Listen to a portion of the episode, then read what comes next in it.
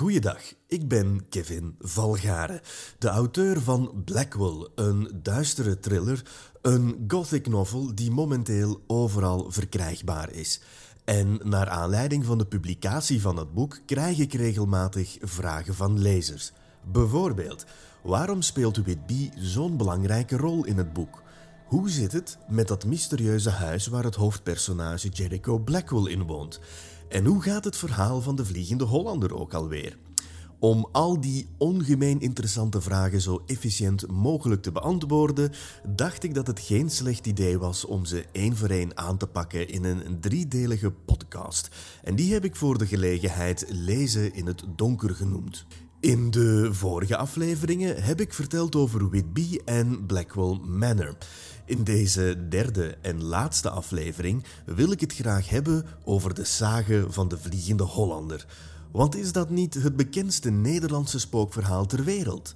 Hmm, niet echt. De sage van de Vliegende Hollander is immers niet in Nederland ontstaan, maar in Zuid-Afrika.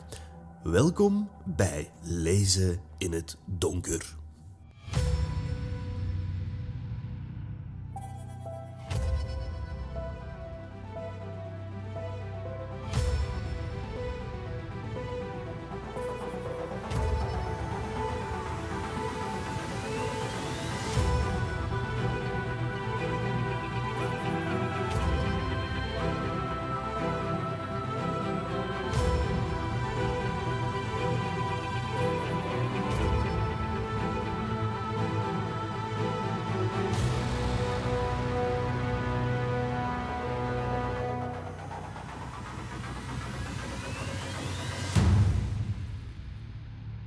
Blackwell begint op de avond van Pasen 1891, wanneer er zich op de kust van Whitby een reusachtige mistbank vormt, waaruit even later een kolossaal schip opdoemt dat zich te pletter stort op de kliffen.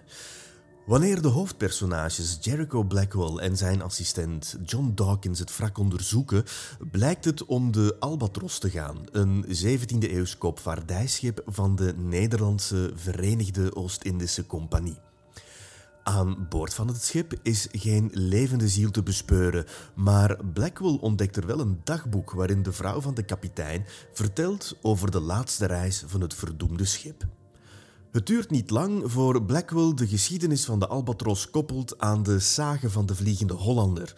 Volgens hem heeft de Vliegende Hollander nooit bestaan, maar is het mysterie van de Albatros mogelijk de bron van het verhaal over 's werelds bekendste spookschip. Maar hoe ging dat verhaal ook alweer?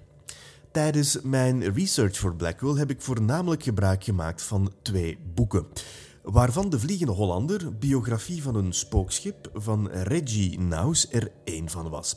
Daarin wordt het verhaal als volgt samengevat. Het verhaal van de Vliegende Hollander is hier waarschijnlijk niet eens ontstaan. In de 17e eeuw voer een schip van de Verenigde Oost-Indische Compagnie naar Afrika. Bij Kaap de Goede Hoop besloot de Hollandse kapitein tegen het advies van zijn bemanning in op Pasen uit te varen. Het was een daad tegen de regels van God, want als de kerkklokken luiden mag niemand uitvaren. Het lukte de kapitein niet de kaap te ronden, maar hij zwoer dat hij toch zijn reis zou volbrengen. Vanaf dat moment was de kapitein vervloekt en zou hij eeuwig blijven rondvaren in de verraderlijke wateren rond Kaap de Goede Hoop. De sage werd initieel mondeling overgeleverd door zeelieden. Zij die op volle zee in aanvaring kwamen met de Vliegende Hollander waren gedoemd ten onder te gaan. Vaak werd de verschijning van het spookschip voorafgegaan door een sloep met een eenzame schipper die de bemanning vroeg om brieven mee te nemen voor mensen op het vasteland. Alleen bleek achteraf dat de geadresseerden reeds lang overleden waren. Een van de eerste vermeldingen in de literatuur gebeurt door de Engelse schrijver Sir Walter Scott in 1812 als voetnoot bij zijn gedicht Rugby dat schatplichtig is aan het volksverhaal.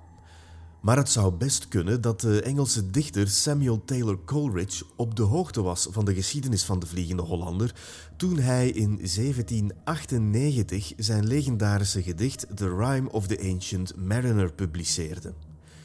In 1821 wordt het verhaal opgepikt door het immens populaire tijdschrift Blackwood's Edinburgh Magazine. Daarin krijgt de kapitein van het spookschip voor de eerste keer een naam: Willem van der Dekke.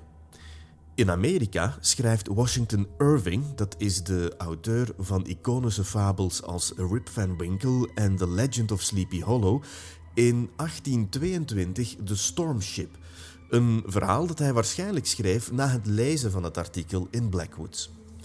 Sindsdien is de sage een eigen leven gaan leiden en ontstaan er tientallen varianten op het verhaal. Een belangrijke variant is uiteraard die van Richard Wagner's opera uit 1843. Daarin mag de vervloekte kapitein iedere zeven jaar aan land gaan om op zoek te gaan naar een vrouw. Alleen als de dame in kwestie op recht van hem houdt, zal de vloek worden opgeheven. De belangrijkste variant van het verhaal heet echter The Phantom Ship. Het is de titel van een maritieme avonturenroman die in 1839 werd gepubliceerd door Captain Frederick Marriott. En het is vooral dat boek dat ik als basis voor mijn variant van de sage heb genomen. Captain Marriott is vandaag nagenoeg helemaal vergeten. Maar tijdens zijn leven was hij een belangrijke lid van de Britse Royal Navy en was hij de uitvinder van het zeeverhaal. Dat is een subgenre van de avonturenroman dat vooral aan de overkant van het kanaal nog steeds razend populair is. Zijn bekendste zeeverhaal, The Phantom Ship, staat volledig in het teken van de Vliegende Hollander. Bovendien krijgt kapitein Van der Dekke in dat boek voor het eerst een woonplaats, het Nederlandse Terneuzen. De hoofdrol in de Phantom Ship is echter niet weggelegd voor Willem van der Dekke, maar voor diens zoon, die van zijn moeder te horen krijgt dat zijn voor hem onbekende vader op zee ten onder is gegaan. Tot hij als jongvolwassene te horen krijgt dat zijn vader voor eeuwig de wereldzeeën in zijn spookschip bevaart. Op dat moment besluit de zoon, Philip, op zoek te gaan naar het legendarische schip en zijn vader, kapitein. Met uiteraard alle gevolgen van dien. Wie het spectaculaire The Phantom Ship wil lezen, iets dat ik persoonlijk warm kan aanbevelen, moet wel even op zoek gaan, want het boek is momenteel niet meer in papier te krijgen, hoewel ik vermoed dat er op het internet wel digitale kopieën circuleren. Dat is natuurlijk jammer, maar tegelijk ook een beetje vreemd, want in dat boek van Captain Marriott zit een kleine parel verborgen. En dat in de vorm van een verhaal in een verhaal. Het is een tekst die vaak in bloemlezingen van griezelverhalen werd opgenomen en daar broederlijk naast het werk van Edgar Allan Poe en M.R. James werd afgedrukt. De titel van het verhaal is The White Wolf of the Harz Mountains, ofwel de witte wolf van het Harsgebergte. En het is misschien wel het bekendste weerwolfverhaal uit de 19e eeuw. The Phantom Ship heeft daarnaast nog een interessante link met mijn vorige boek Seance. Captain Marriott had namelijk een dochter, Florence, die niet alleen schrijfster was van sensationele verhalen, maar ook erg begaan was met het spiritualisme in het Engeland van de tweede helft van de 19e eeuw. Ze was een vooraanstaand getuige van de experimenten van de wetenschapper William Crookes op het medium Florence Cook, een gebeurtenis waarop ik Seance heb gebaseerd. En om die reden is kapitein Marriott's dochter een niet geheel onbelangrijk personage in dat boek. Maar terug naar de Vliegende Hollander. Sinds ze voor het eerst de boek werd gesteld, is de sage een eigen leven gaan leiden met talloze varianten en uitbreidingen op het origineel. Op die manier werd de Vliegende Hollander het bekendste spookschip in de wereld. Wat uiteraard een beetje raar is, omdat het schip nooit heeft bestaan. Belangrijke en minder belangrijke auteurs lieten zich door het verhaal inspireren. Het werd gebruikt in strips en kinderboeken, maar ook in de bioscoop dook het verhaal regelmatig op, zoals in Pirates of the Caribbean. en op televisie in de tekenfilmserie SpongeBob SquarePants. Mijn persoonlijke favoriet is vast en zeker de gelijknamige attractie in het Nederlandse pretpark, de Efteling. Het is een dark ride en een rollercoaster waarin de bezoeker de confrontatie met de Vliegende Hollander moet aangaan. En de Efteling, meesters in het vertellen van verhalen, baseerde zich daarvoor volledig op de variant van Captain Marriott. Zolang ik mij kan herinneren, ben ik een grote bewonderaar van het Brabantse pretpark. En er gaat haast geen jaar voorbij dat ik er geen bezoek aan breng. De manier waarop de Efteling verhalen vertelt, in combinatie met hun unieke aankleding, weet mij als volwassene nog steeds te boeien. Het is waarschijnlijk niet bon ton om als auteur van literair proza toe te geven dat een pretpark bij mij de kiem plantte voor wat later Blackwell zou worden. Maar ik doe het lekker toch. Eerlijk is eerlijk. En mijn bewondering voor de mensen van de Efteling is dan ook erg groot. Maar mijn fascinatie voor de Vliegende Hollander gaat natuurlijk verder dan dat. En heeft natuurlijk te maken met de reden waarom ik zo begeesterd ben door het genre van de gothic novel tout court. En dat komt omdat ik als individu worstel met mijn eindigheid. Met andere woorden, dat ik moeilijk kan aanvaarden dat ik er op een mooie zonnige dag niet meer zal zijn.